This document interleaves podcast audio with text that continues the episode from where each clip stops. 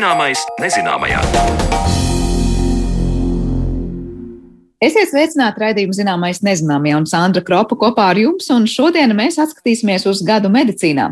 Vakcīnas, vīrusi, Covid-19 izplatības ierobežošanas šogad dominēja medicīnas nozarē, taču vienlaikus uz priekšu gājuši arī vakcīnas pret slimībām, ar kurām cilvēks cīnās jau krietni ilgāk nekā koronavīrus. Par to, kāds bijis šis gads cīņā ar vīrusiem, runāsim jau pēc īsa brīža, bet pirms tam atskatīsimies uz interesantiem pētījumiem un atklājumiem citās medicīnas jomās. Elektroniskais deguns kuģa vēža diagnostikai, olu čaumalas jaunu kaulu veidošanā, kā attālināti kļūt par ārstu un kā esošie mediķi Latvijā pēta un atklāja jaunus veidus pacientu ārstēšanā un slimību diagnostikā. To skatīsim turpmākajās minūtēs, sižetos par medicīnu, kas ir izskanējuši šajā raidījuma ciklā 2021. gadā. Vienots skatījums uz sirdi un asinsvadiem. Pētījums, kas izauga no pašu sapratnes un pašu pieredzes. Tā šī gada sākumā stāstot par darbu pie vienota skatījuma pacientiem ar asinsvadu problēmām, teica Latvijas Universitātes profesors Paula Stradiņa Kliniskās Universitātes slimnīcas asinsvadu ķirurgs un Zinātniskā institūta direktors Dainis Krieviņš. Ja pacients apgalvo, ka viņam ir problēmas ar kājām, tad patiesībā viņam ar kājām viss var būt kārtībā, bet kaita ir sirdī. Tieši tāpat arī galvas problēmas var būt meklējamas sirdī. Šādu vienotu skatījumu uz cilvēku asinsvadiem un organismu kopumā pievērsuši zinātnieki, veicot pētījumu Paula Stradiņa Kliniskajā universitātes slimnīcā. Mēs labi zinām, ka ja asinsvadu patoloģija attīstās, attīstās ateroskleroze, kas bojā asinsvadus, tad viņa bojā visus asinsvadus. Tikai vienā vietā bojā vairāk un vienā mazāk. Un tāpēc mūsu uzdevums bija atrast, nu, kāda ir korelācija starp asinsvadu bojājumiem kājā un starp asinsvadu bojājumiem sirdī. Un izrādās, ka šī korelācija vai sasaiste ir ļoti stipra. Un, ja mums ir kājas asinsvadi bojāti, tad mums visiem būtu jādomā pārbaudīt arī sirds asinsvadus, vai arī tur nav problēma. Pateicoties Latvijas Universitātes fondam un lielākam viņa mecenātam SIA mikrotīkls atbalstam, mēs arī izveidojām tādu multidisciplināru speciālistu komandu, kas bija asinsvaļu ķirurgi, kardiologi, invazīvie kardiologi, anesteziologi un radiologi, lai kopīgi izpētītu, kas notiek ar mūsu pacientiem. Tātad, kas notiek ar viņu sirdi vai motoru, ja mēs operējam citus asinsvadus un ar vienu domu, lai pacients pēc tam ilgāk dzīvo un nenomirst. Bet par ko gan mēs bijām pārsteigti, ka līdz pat 70% no pacientiem, kuriem nav nekādu sirds sūdzību. Ne infarkts bijis, ne sāpes sirdī, ne citas sūdzības, kas varētu norādīt par sirds asinsvadu bojājumiem. 70% bija būtiski bojājumi sirds asinsvados. Un tad arī šos pacientus mēs jau mērķiecīgi pēc asinsvadu ķirurģijas operācijas, vienu līdz trīs mēnešu laikā pēc operācijas novirzījām pie mūsu kolēģiem, invazīviem kardiologiem un kardiologiem un arī kardioķirurgiem, kuri attiecīgi šos pacientus ārstēja. Dainis Krieviņš norāda, ka neinvazīvu izmeklējumu ik gadu būtu nepieciešams veikt aptuveni tūkstotim pacientu, un tie nebūtu nav tikai seniori. Nākotnē šāds pētījums palīdzētu mainīt vadlīnijas, lai sekmīgi ārstētu pacientus ar asinsvadu problēmām. Proti, pacientiem, kuriem tiktu veikta asinsvadu ķirurģijas operācija, izmeklētu arī sirdi. Medicīnas studijām izprintēts mugurkauls.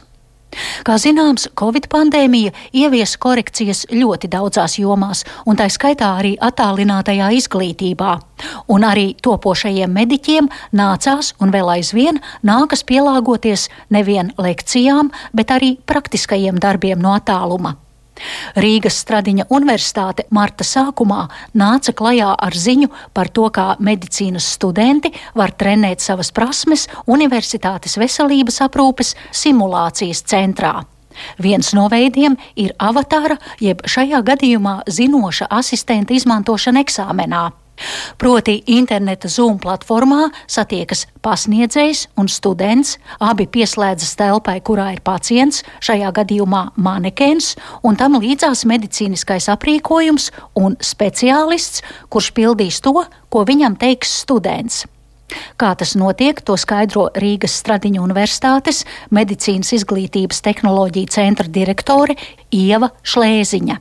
Un viens no risinājumiem, ko piedāvā Rīgas Reņģa Universitātes medicīnas izglītības tehnoloģija centrs, ir šis avatars. Būtībā tas ir klīnisko simulāciju speciālists, kas tajā brīdī atrodas klīniskās aprūpes telpā ar visu iekārtojumu, aprīkojumu, manekeniem, medikamentiem, simulētiem, dažādām monitorēšanas sistēmām, bet savukārt students un pasniedzējs atrodas kur nu vēlas mājas apstākļos vai kādā citā telpā, un tad visi satiekas Zoom platformā. Un šis te avatars būtībā ir kā tāda studenta rokas un acis. Viņš izpilda visu, ko students viņam lūdz veikt, izvēloties noteiktu manipulāciju. Piemēram, tiek izvilktas manipulācija mazgāt rokas, un tad students avataram skaidro šo roku mazgāšanas kustību secību, vai līdzīgi arī ar injekcijām, ar urīnu pušu kateterizāciju. Tad jāspēj ļoti smalki paskaidrot. Un šis te avatars izpilda būtībā tā tādas studenta, gan arī var teikt, pavēles. Un tad pasniedz pasniedzējs tad izvērtē, kā šajā procesā studentam veicas un vai viņš ir spējīgs paskaidrot šo prasmi. Bet eksāmenu kārtošana notiek ar trenižieru palīdzību. Šajā gadījumā vārds trenižieris ir attiecināms uz cilvēka ķermeņa fragmentu, kas izdrukāts ar 3D printeri. Piemēram, cilvēka mugurkaula kopiju, kurā studenti trenējas durt adatu, lai iegūtu muguras smadzeņu šķīdumu. Līdzīgi kā mugurkaula punkcijas, studentiem arī ir pieejami komplekti, kur viņi mājās var trenēties veikt zemādas injekcijas, ievietot katetru vai zondi caur degunu. Tātad te mēs redzam, ka pandēmijas izraisītais stāvoklis ir mudinājis topošos un esošos mediķus domāt radoši un atrast jaunas un veiksmīgas pieejas mācību procesam. Elektroniskais deguns kuņģa vēža diagnostikā. Māja sākumā mēs stāstījām par to, ka vairāku valstu zinātniekiem ir izdevies izstrādāt ierīci, kura savienot ar mobilo telefonu ar mākslīgā intelekta palīdzību analizē cilvēka izelpu. Latvijas pētnieki savukārt klīniskajos pētījumos ir testējuši šīs tehnoloģijas liederību kuņģa vēža diagnostikā. Kabatas elektroniskajam degunam varētu būt liela nozīme slimības agrīno stadiju atklāšanā. Par izelpas gaisa analīzes iekārtas klīniskajiem pētījumiem plašāk stāsta Latvijas Universitātes Klīniskās un profilaktiskās medicīnas institūta direktors Mārcis Leja. Un tas koncepts balstās dabas pierādījumos, ka, piemēram, ir zināms, ka sunīši, ja viņi speciāli apmācīti, viņi spēj atšķirt pēc smaržas cilvēkus, kuriem ir ļaundabīgi audzējumi, kuriem viņi nav. Tāpēc tas uz dažādiem ļaundabīgiem audzējiem ir demonstrēts. Un, protams, cilvēks nebūtu cilvēks, ja viņš nemēģinātu šo konceptu atkārtot. Līdz šim tehnoloģijas nu, ir krietni vien atpalikušas no tā sonīša deguna pagaidām. Ja? Bet nu, cerams, ka tomēr viņas tajā līmenī attīstīsies. Un kāpēc tā ir racionāli darīt? Tāpēc, ka dzīvnieks ir dzīvnieks un ne visu dzīvnieks var apmācīt vienādi un, un dzīvnieks var nogurt. Līdz ar to faktiski nu, tā re, regulārā klīnikā, mūsu klīnikā šāda diagnostikas pieeja nav ieviesusies kaut cipēt pasaulē, Japānā un Izrēlā, piemēram, ir, bet arī ne plaši un ne standartā. Ja? Tātad šis koncepts ir atdarināt tā sunīšu degunu un mēģināt saostīt to, kas ir raksturīgs slimībai. Tieši Latvijā ir veikta pētījuma klīniskā daļa ierīces testēšanā, iesaistot pacientus gan ar ļaundabīgiem audzējiem, gan arī cilvēku grupas bez šādas diagnozes. Izelpas gaisa analīzes iekārtai varētu būt liela nozīme agrīnā kuņģa vēža diagnostikā, kas ļautu izvairīties no novēloti atklātajiem slimības gadījumiem, attiecīgi mazinot pacientu mirstību. Nākotnes vīzija konkrētajai ierīcei paredz, ka tā varētu būt portatīva un savienota ar mobilo telefonu, ko cilvēks varētu lietot individuāli un arī pārraidīt mērījumu signālus speciālistiem. Jaunās zinātnieces pēta medikamentu sakromegālijas pacientiem un meklē, kā stiprināt nogurušu sirdi. Kā ierasts jūnija vidū, tika pasludinātas L'Oreal Baltica apbalvojuma programmas sievietēm zinātnē laureātes. Un šogad to ieguva arī trīs zinātnieces no Latvijas - Vita Rovīte, Inga Puģa un Dana Kigitoviča. Un divas no viņām L'Oreal stipendiju saņēma par ieguldījumu medicīnas jomā. Bioloģijas doktore Vita Rovīte ir vadošā pētniece un grupu vadītāja Latvijas biomedicīnas pētījumu un studiju centrā, kā arī Latvijas genoma centra vadītāja.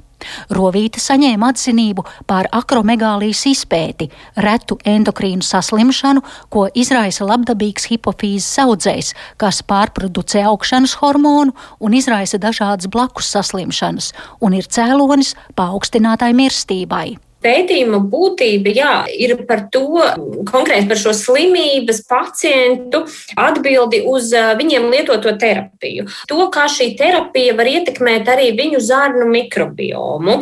Bet tas rezultāts būtu tāds, piemēram, jūs saprotat, ka tie ir esoši medikamenti, esošai slimībai, kur tiek ārstēta un uh, kaut kāda daļa baktēriju, piemēram, aiziet bojā, kurām nevajadzētu aiziet bojā zarnu mikroflorā. Es pareizi saprotu. Tad... Vai arī izmainās šo uh, mikroorganismu populācijas, un, kā mēs zinām, tad mikrobioms vispār ļoti uh, ietekmē dažādas orgānas, uh, sistēmas visā organismā, un uh, tā ietekme varētu būt diezgan plaša. Un tādēļ, ja tiešām tiktu novērot, ka ir kādas novirzes šajā mikrobioma sastāvā, Iespējams, ka to varētu kaut kādā mērā modificēt un noteikti šo pacientu dzīves aspektus arī uzlabot. Tas bija sarunas fragments ar Vitu Rovīti, bet doktorante Dāna Kigitoviča ir ārste rezidente nefroloģijā Rīgas Stradiņu universitātē un Paula Stradiņa Kliniskās universitātes slimnīcā, asistente Rīgas Stradiņu universitātes iekšķīgo slimību katedrā, kā arī praktikante Latvijas Organiskās sintēzes institūtā. Apbalvojumu sievietēm zinātnē Dāna Kigitoviča saņēma par pētījumu, kurā meklē jaunu pieeju sirds labāk ambara mazspējas ārstēšanai, analizējot iespējas, kā stiprināt nogurušu sirdi.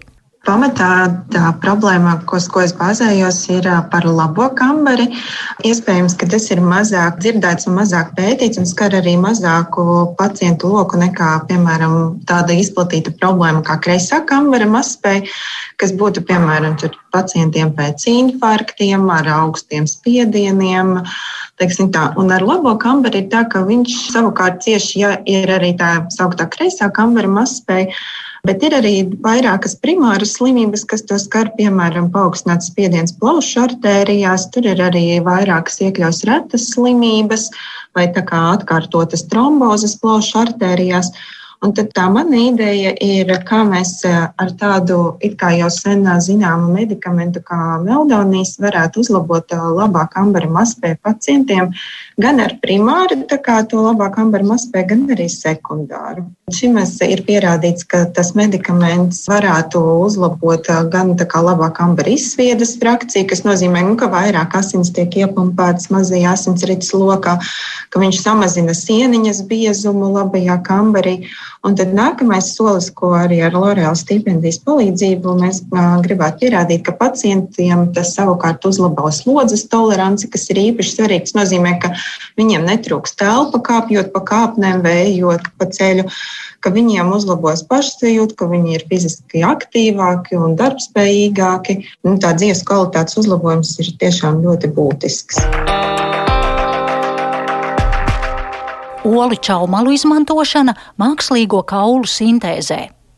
Ideja, ka olu čaumalas var kalpot kā kalcija avots, lai sintēzētu mākslīgos kaulus, pētniekiem Latvijā prātā ir nākusi pasen.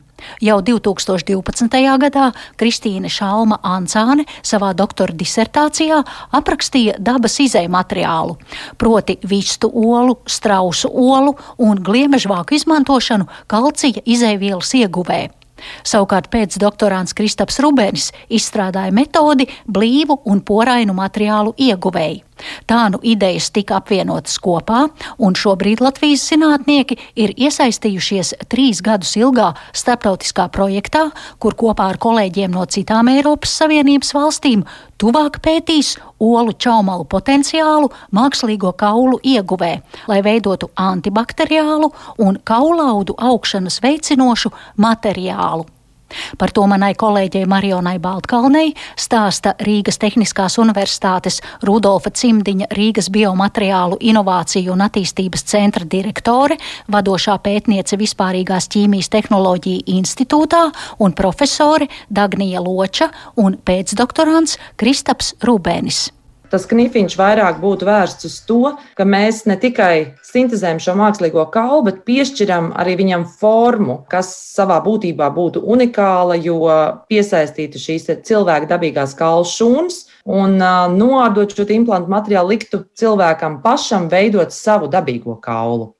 Skaidrs, ka mēs no olu čaumalas uzreiz nenonākam pie mākslīga kaula, vai ne? Ja es pareizi esmu sapratusi, tad mēs no olu čaumalām vispirms iegūstam nu, tādu kā sagatāvi, ja, izēju materiālu, un tad pēc tam nākamais posms ir no šī materiāla radīt mākslīgo kaulu. Jā, nu tā tad, principā, olu čaumals mēs izmantojam kā vienu no izēju materiāliem sintēzē, lai sintēzes rezultātā iegūtu materiālu, kas nosacītu atrinu šīs kaula īpašības. Bet uh, olčāmals principā ir tikai viena no izēvielām. Nav gluži tā, ka mēs tikai paņemot olčāmals varētu radīt šo kaulu imitējošo materiālu. Viena no šīm projekta inovācijām tas, ka mēs sintēzes rezultātā mēs materiālu iegūstam pulvera veidā, bet tātad uh, faktiski galvenais projekta mērķis ir pēc tam vēl šo materiālu, kas ir pulvera veidā, pārvērst monolītā materiālā un uh, saglabāt viņa īpašības, kādas šim materiālam piemīt, kad viņš vēl bija polaru veidā. Mm. Vai vienkāršāk sakot, mēs iegūstam kalcija avotu no čaumalām, pavisam vienkārši sakot, pieliekam viņam klāt fosfora avotu. Un uh, iegūstam šo kalcija fosfātu, kas ir mākslīgais kauls. Un tad jau nāk pēc tam tas uh, kristapa darbs, kā tagad to pulveri pārvērst mums uh, materiālā, kur varētu ievietot cilvēku organismā, un tas tur arī darbotos un veikt savas funkcijas. Un noslēdzot medicīnas zinātnes apskatu, atcerēsimies decembra sākumā skanējušo sižetu par jaunu iekārtu ādas vēža noteikšanai. Ādas vēža jeb melanomas saulēcīga diagnostika ir viens no būtiskākajiem nosacījumiem, lai to veiksmīgi ārstētu. Medicīnā jau tiek lietoti dermatoskopi ādas veidojumu pārbaudēji, taču nesen pētnieku komanda ir nākusi klajā ar jaunu bezkontakta melanomas skrīninga iekārtu. Tā ļautu veikt precīzu, vienkāršu un ātru ādas veidojumu analīzi jebkuram lietotājam bez iepriekšējām zināšanām. Kā tad iekārta darbojas un kam tā noderētu, par to stāsta Rīgas Tehniskās Universitātes inženierzinātņu doktors Dimitrijs Bļīzņuks. Mūsu galvenā ideja bija izveidot iekārtu, kuru lietošanai nevajag kaut kādas speciālas zināšanas, jo skaidrs, ka dermatologs ar savu pieredzi viņam nu, palielam pietiek vienkārši ar palielāmu stīklu. Protams, ir instrumenti, kas viņam var palīdzēt, bet galvenais būtu, ka cilvēks nu, gandrīz vai bez jebkādas pieredzes varētu paņemt šo iekārtu, un tad rezultātā viņš redzēs vienkārši bildi, kur ir ar krāsu atzīmēts riska zonas. Un līdz ar to to var darīt gandrīz jebkurš. Un salīdzinot varbūt ar kādām citām sistēmām, drīzāk programmām, ir arī virkne ar mobilo telefonu, kas ļauj vienkārši nofilmēt uh, savu veidojumu, tad viņš analizē tīri no vizuāla skata.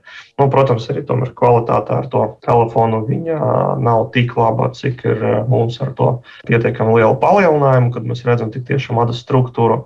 Un pats galvenais, ka viņi bāzējas vienkārši uz baltas gaismas, tad viņi redz tikai to, kas ir radas virsmā.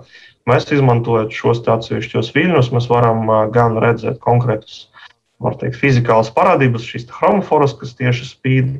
Un arī mēs varam pat ieskatīties iekšā ādā, ko arī nevar pat redzēt dermatologs, jo, pieņemsim, infrasarkanā gaisma viņu var iet dažus milimetrus iekšā, un mēs redzam iekšā ādā un spējam to analizēt. Līdz ar to savācot visu to informācijas kopā un arī, protams, to izskatu, kas ir parādās ādas virsmā, tad var ar diezgan lielu pārliecību izveidot šo risku Arī nākamajā gadā mēs turpināsim sekot, kā zinātniekiem veicas ar šiem jau esošajiem pētījumiem un ko jaunu viņi ir atklājuši. Jūs dzirdējāt fragmentus no sižetiem, ko veidoja Mariona Baltkalne, Sandra Kropa, Sintīna Ambote un es, Zane Lāce Baltaugsne. Novēlot visiem radošu garu un enerģiju, mēs tiekamies nākamajā gadā. Paldies Zanē Lācei Baltauksnē par sagatavoto stāstu, bet raidījuma turpinājumā pievēršamies tam, kā Covid-19 pandēmija šogad mainījusi ne tikai mūsu dzīves, bet arī medicīnas nozari kopumā.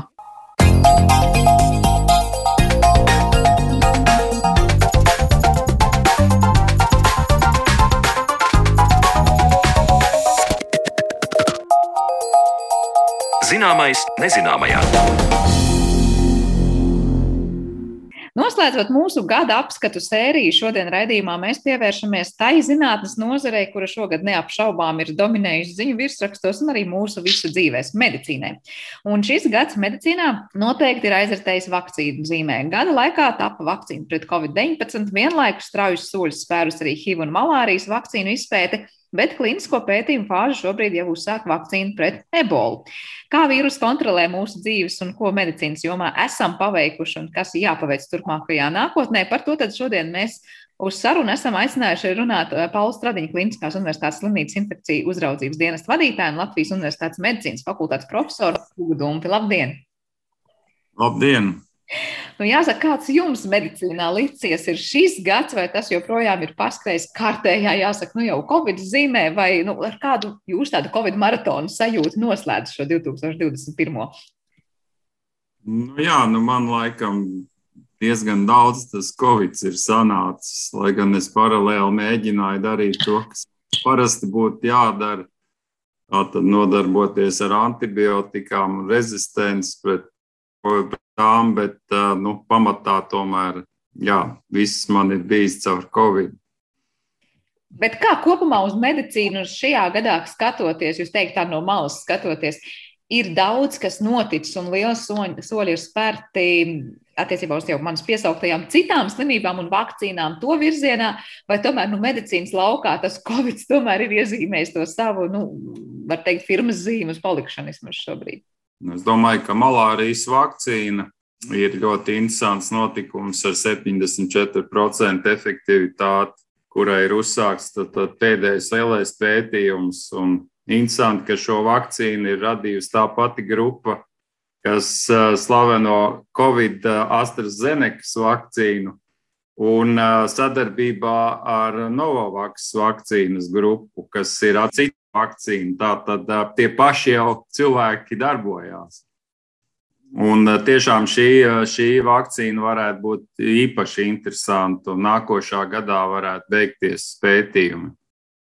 Bet malārijas vakcīnas gadījumā nu, tā, man liekas, ir ļoti, ļoti ilgi gaidīta. Un vienmēr liekas jautājums, kāpēc tik ilgi to neizstrādāja un kāpēc tikai tagad? Savukārt, nu, Covid gadījumā mēs zinām, ka tā vakcīna ļoti ātrā tempā sev pieteica.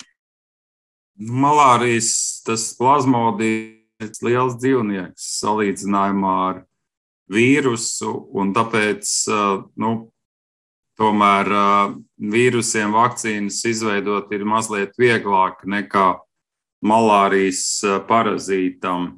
Bet nu, izskatās, ka tur ir tā, tad nākošais gads mēs varētu sagaidīt jaunu vakcīnu, un tas tiešām varētu glābt ļoti daudz bērnu dzīvību. Jūs uzsverat tieši bērnu tajā kontekstā, ka tā vakcīna būtu vairāk piemērota bērniem, vai kāds ir? Jā, tā vakcīna būtu zīdaiņiem domāta.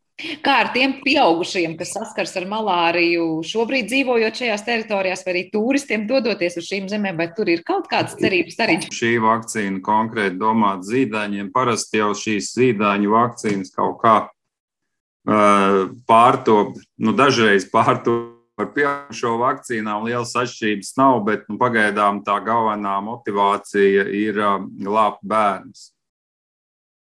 Nu, malārijas gadījumā laikam arī ir tā mirstība un bīstamība bērniem ir lielāka nekā pieaugušajiem. Tieši tā, bērni un grūtniecis ir tie, kas visvairāk mirst no malārijas, tieši mazi bērni. Nu, te līdz šim ir bijušas izplatītas dažādas runas, protams, un sazvērestība, varbūt pat teorija līmenī šādas te apgalvojumi, ka nu, tik lēni ir gājis ar malārijas vakcīnu, tāpēc, ka nu, to slimotāju vairumā ir bijis jau teikt, attīstības valstīs un varbūt ne tie bagātākie un ietekmīgākie sabiedrības slāņi. Cik tur ir pamata domāt, ka malārijas vakcīna nu, nekad nebija tāda prioritāte šo iemeslu dēļ?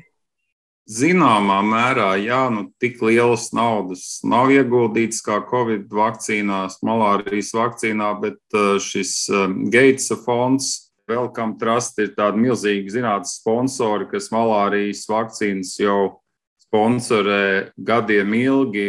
Tā, tā, tā nevar teikt, ka tur nav ieguldīti līdzekļi malārijas vakcīna ir bijusi prioritāte. Ir, ir virkni slimības, varbūt tropiskās, kas ir mazāk, vēl mazāk interesantas, bet malārija tomēr ir arī nu, visu, visu cilvēku slimība, varētu teikt.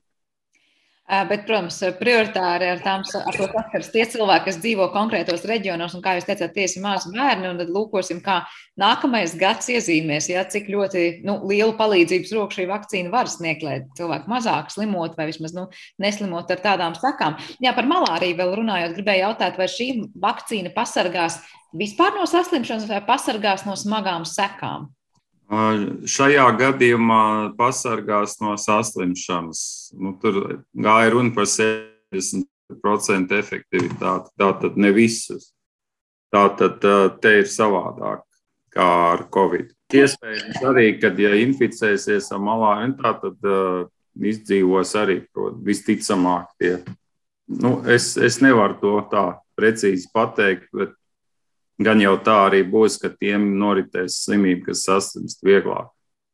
Runājot vēl par citām nu, tādām bīstamām saslimšanām, kas vismaz runā, ka varētu nu, par vakcīnu šobrīd pavirzīties krietni uz priekšu, vai tieši tas ir arī ebolas vīrus, un kā tur veids? Saprot, tur arī ir klīnisko pētījumu fāze jau. Nu, ebolas uh, vakcīna jau ir gatava. Tā, tā jau ir kādu laiku, un tā ir bāzēta uz adenovīrusu bāzes, atkal līdzīgi AstraZenekas vakcīnai. Un, Tā tad ebolas vakcīna principā jau ir pieejama un tiek vakcinēta tajos epicentros.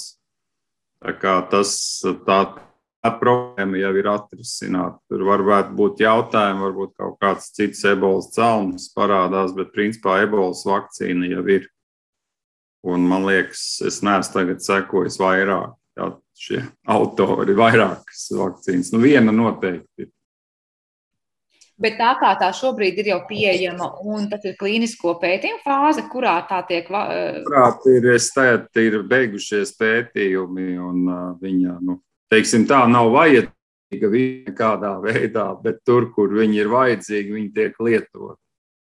Tā kā uh, Āfrikā, Rietumā Āfrikā, tā tad uh, ebolas vakcīna tā, ir, ir izveidota līdzīga ir tātad citi vīrusi, tātad ir šis denges drudzis, tur arī ir vakcīna.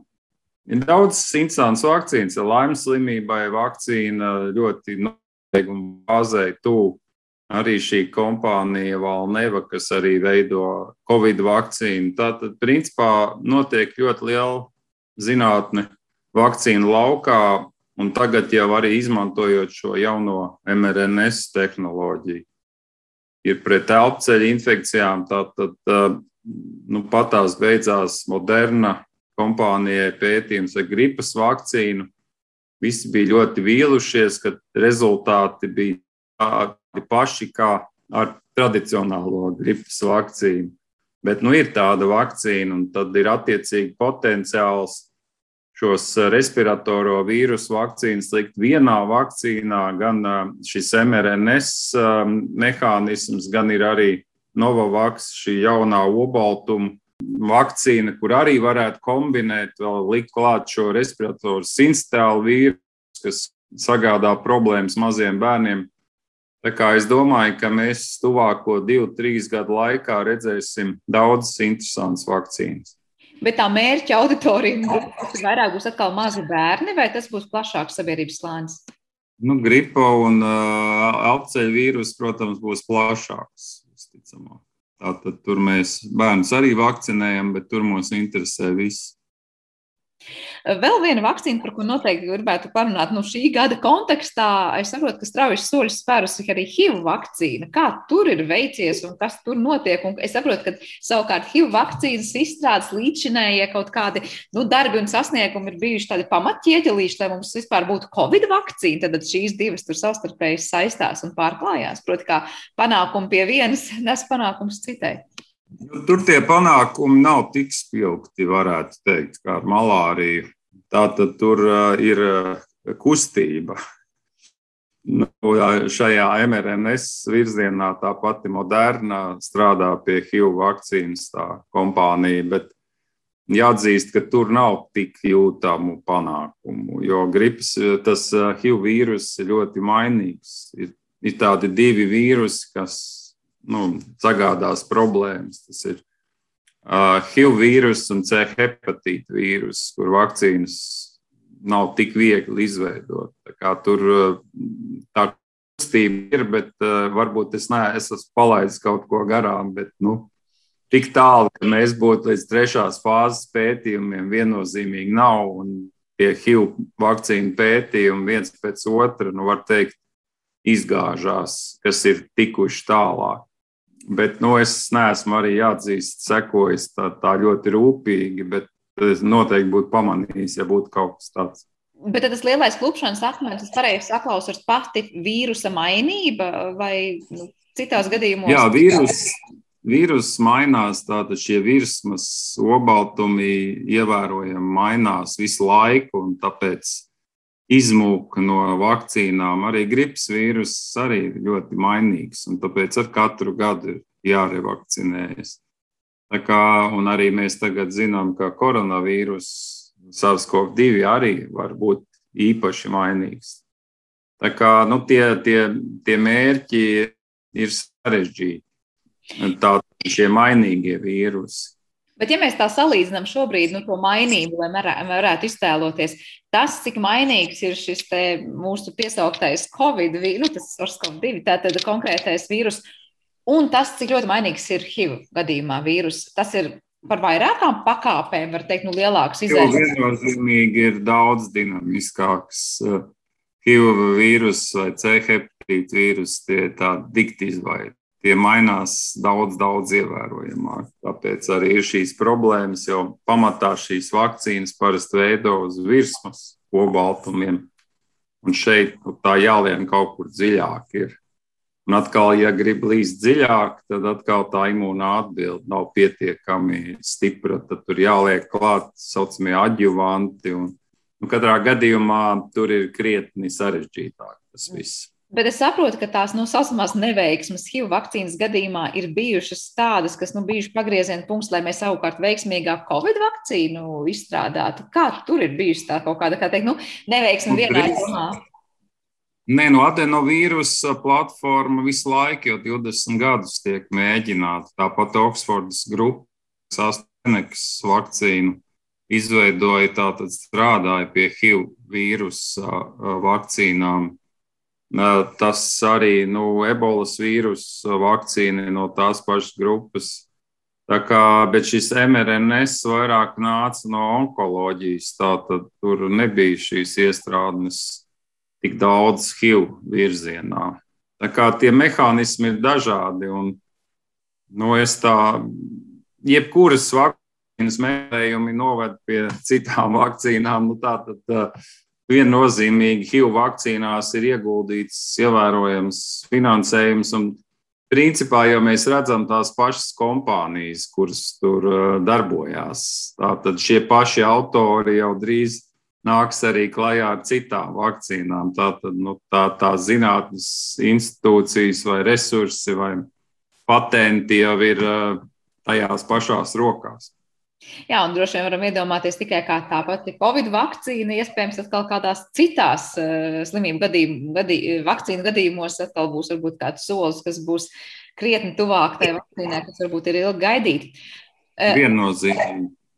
Jūs piesaucāt tikko onkoloģiju arī, un nevelti izskan, tas ne tikai par vakcīnām runājot, bet par aizvadīto gadu medicīnā kopumā, nu, kad pat šie divi gadi, ko mēs dzīvojam tādā Covid zīmē, nu, ir mazliet tā kā palicis otrajā plānā daudzas citas problēmas medicīnā un daudzas citas saslimšanas, un viena no tām tiek minēta kā onkoloģija. Vai jūs piekritīsiet tam, ka nu, šajos gados, un tīpaši šajā gadā, varbūt nu, tur nav tik daudz izrāviena vai uzmanības vērstas, kā varbūt vajadzētu?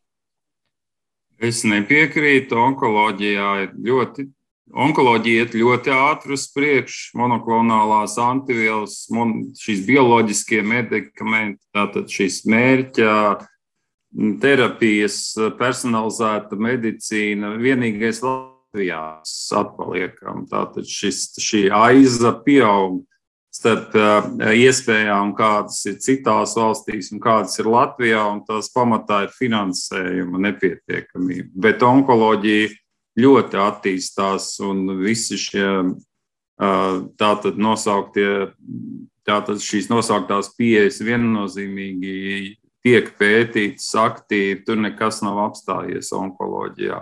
Mēs jau tagad nu, uzzinām ar vien jaunākas, jaunākas pieejas onkoloģijā, un tas neapstāsies tik ātri. Tā kā plaisa vairāk ir pie mums, nevis eh, pasaulē. Tā, tā ir eh, finansiāla plaisa, ko mēs varam nopirkt, un vai mūsu cilvēki saņem, varētu teikt, adekvātu mūsdienīgu terapiju, jo šie medikamenti ir ārkārtīgi dārgi. Tā ir tā plaisa, bet onkoloģijas zinātne nekādā veidā nav apstājusies. Nu, vismaz cik es vēroju, jāatzīst, ka es šai laukā nestrādāju, bet nu, tur ļoti strauja attīstība. Nu, katrā ziņā nav satraucoša tendence par to, ka kāda no citām medicīnas nozarēm var teikt, tikt upurēta tikai tāpēc, ka visi izpēte un um, darbošanās notiek ap koronavīrusu. Uh, mēs runājam par to, kā vakcinācija, nu, liekas, gājusi lieliem soļiem uz priekšu daudz kur, un varbūt arī Covid gadījumā šī vakcīna, var teikt, ir pavirzījusi varbūt to vakcinēšanās lietu uz priekšu, bet kā ir ar zālēm un, piemēram, zāļu izstrāde pret Covid, vai tajā laukā notiek ievērojami soļi, un cik varbūt tuvu mēs esam tam brīdim, kad teiksim, nu, Covid ārstēsim ar zālēm? Tas ir ļoti sarežģīts jautājums. Ir vairāki medikamenti, kas var apstādināt vīrusu replikāciju, vairošanos. Bet, diemžēl, Covidam šī vīrusu vairošanās apstādināšana ir liederīga tikai pirmajās slimības dienās. Un pēc tam jau iestājās atbilde citas problēmas, kam ir vajadzīgi medikamenti. Un pat ja mēs apturam šo vīrusu vairošanos, tad nu, es varu nosaukt, tātad, nu, principā trīs medikamenti dažādi, kas varētu, kas aptur vairošanos, kurus jādod būtu ātri. Tātad, tad, tad, bet īpatnība šai slimībai, ka sākumā cilvēki nav īpaši slimi, nejūtās tādi sasprāstīgi Moši piektā, piektajā dienā bieži vien arī nemeklē ārsta palīdzību. Otrs ir tas, ka šie medikamenti ir ārkārtīgi dārgi, nu, un viņi nav tik efektīvi. Tātad te ir daudz kas izskanējis par 90% un tā un tā samazina, bet tas ir, ja jūs dodat uh, Covid pacientiem pirmajās slimības dienās, tas praktiski nav iespējams pirmajās slimības dienās no, eh, testēt cilvēku un viņam šādu medikamentu. Un tie ir šie vīrusu replikācijas apturētāji. Tad ir šīs monoklonālās antivielas, tātad mērķa antivielas, kuras mēs dodam pacientiem tādā pašā nolūkā, lai apturētu vīrusu vairošanos. Bet arī tās omikrona situācijā mēs skaidri redzam, vairs nedarbojas. Tikai viens no šiem preparātiem darbojās. Tā tad atkal ārkārtīgi dārgi medikamenti un vairs uz omikrona paveidu nedarbojas. Tātad ir jāizveido atkal jaunas šīs monoklonālās antivielas vai monoklonālo antivielu kokteļi. Tehnoloģijas ir ārkārtīgi dārgas. Un pēdējais ir šis uh, citokīnu vētras vai iekaisuma reakcijas apturēšana. Un tur ir daudz medikamentu, saucamie bioloģiskie medikamenti, arī antivielas, kuras mēs vēršam pret šo imūno atbildi. Un tur ar diemžēl tie rezultāti ir tādi, nu, pašvaki, var teikt, kaut ko dod, nu, un tad ir tādi, nu, tā kā ir medikamenti, kat pielikšanas punkti ir dažādi, diemžēl tā tad ar ārstēšanas rezultātus būtiski. Teikšu, nu, būtiski varētu teikt, nu, uz pusi vai vairāk tā, tā nevar ietekmēt. Mēs cīnāmies, varētu teikt, katru medikamentu pa 10, 20% tā tad cilvēku uzlabojumiem. Un šie medikamenti ir ārkārtīgi dārgi. Un katram medikamentam ir savs pielikšanas punkts. Tā kā tādas universālas tabletītes, nu, diez vai būs. Bet arī šie ja... medikamenti, es saprotu, vairāk arī domāt par tiem gadījumiem, kad tiešām tā slimības gaita jau ir smaga, vai ne? Tad ir... Nē, ir, ja jūs ir medikamenti, kad ir pašā sākumā jūs lietojat, jūs nesaslimstat. Tā ir taisnība. Bet praktiski to pielietot ir ārkārtīgi grūti un ļoti dārgas zāles, teiksim, dot 15 cilvēkiem, lai viens nenonāktu slimnīcā. Nu, tas īsti nav nu, pareizi. Ir arī blaknes zālē, šīm zālēm. Ja būtu tādas zāles, kas ir, varētu teikt, lētas un tiešām efektīvi, līdzīgas šim oseltamapīram, ja tamiflu gripas gadījumā, kas dod efektu pirmās dienās, nu, tad, tad, tad tas varētu būt tāds uh, pozitīvs virziens, bet pagaidām tās cenas ir, es varu pateikt, tās ir 700 ASV dolāri paciņā ar zālīti, ar tablē, kapsulām. Nu, tas nav tāds kaut kas, ko mēs varētu Nu, lietot kā, kā normālu terapijas metodu. Jā, jā nu tas, diemžēl, tā nekad nebūs par tādu cenu, jo mums daudzas zāles nevaram atļauties onkoloģijā. Un, nu, tas būtu pārāk dārgi. Tāpēc ir jā, jāmēģina atrast tādas pacientu grupas, kurām noteikti vajag šīs zāles, kur mēs zinām, ka būs slikti. Tie ir onkoloģiski pacienti, ķīmijterapijas pacienti, transplantu pacienti un tiem jau tagad, arī Latvijā, es dodu šīs zāles. Jo tur savādāk tā ārstēšana ir ārkārtīgi, nu, visiem ies slikti, ja neārstēs. Vēl viens, var teikt, nu, tāds pandēmijas blakus produkts, ja tā var teikt, ir šie ātrie testi, kas varbūt šogad vairāk sevi ir pieteikuši kā, kā iepriekš. Kā jūs uz to raugāties? Vai tas Eh, ir kaut kāds solis atkal vispār, es nezinu, epidemioloģijā, kur mēs varam runāt, nu tad nākotnē daudz vienkāršāk, es nezinu, katrs mājās vai darba vietās laikus testēsim, nu, daž, dažādas saslimšanas, lai netiktu līdz pandēmijas līmenim, vai, nu, tur tā precizitāte ir tā, nu, nevienmēr un ne visai, un dažkārt varam izdarīt vairāk sliktu nekā labu ar tiem. Tas arī nav nekas jauns.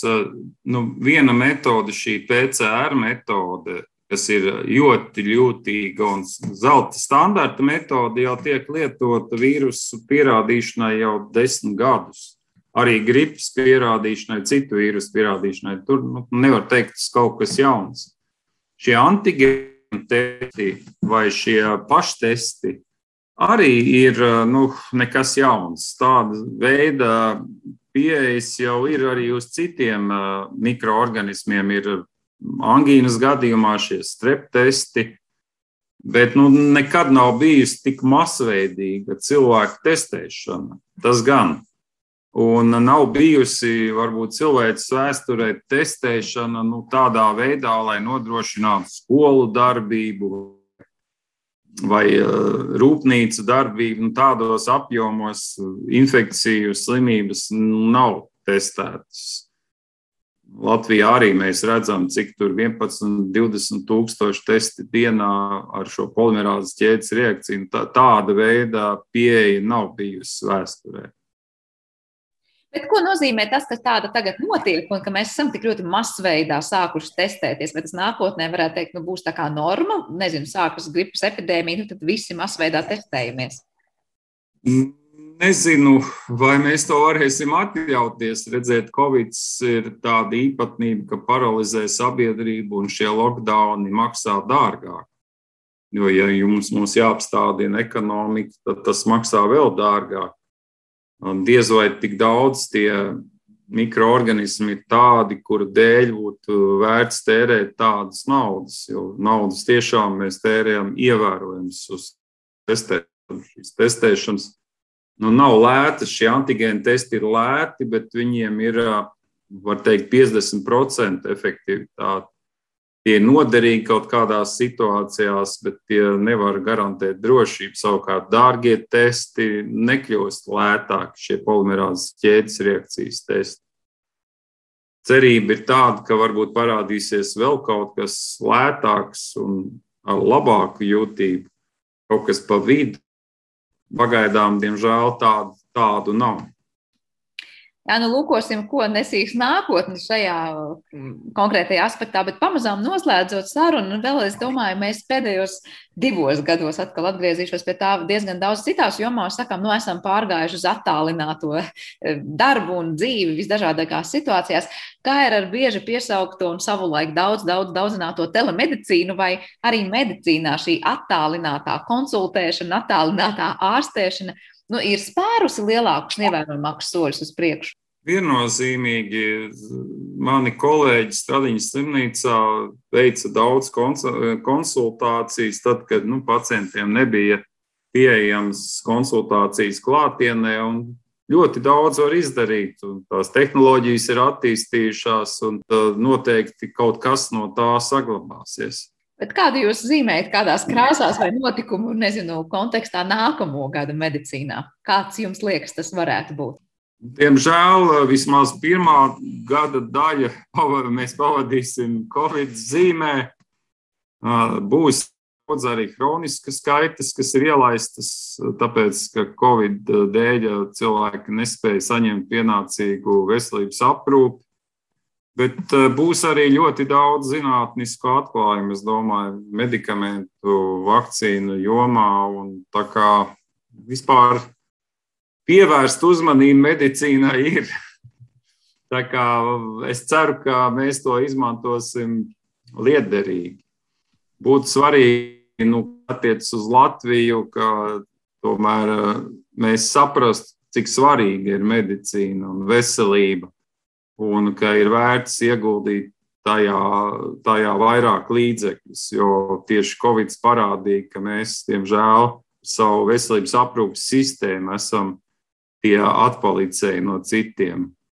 Tā kā, nu, es ceru, ka būs arī izmaiņas attieksmē pret medicīnu kā nozīmīgu tas, tātad, vai teikt, nu, ekonomikas sastāvdaļu. Nu, cerams, ka daudzi to jau ir novērtējuši, bet, piemēram, šādi nu, izaicinājumi veselības nozarēs, ko mēs piedzīvojam Covid kontekstā, jūsuprāt, vairāk tieši veicina kaut kādu konkrētu lietu attīstību veselības nozarē, es domāju, globāli, ne tikai par Latviju, vai vairāk tā kā, nu, var teikt, aizkavē kaut ko par dažiem gadiem vai saliek citas prioritātes, vai jūs vairāk šādus izaicinājumus redzat kā tādus virzītājus spēkus?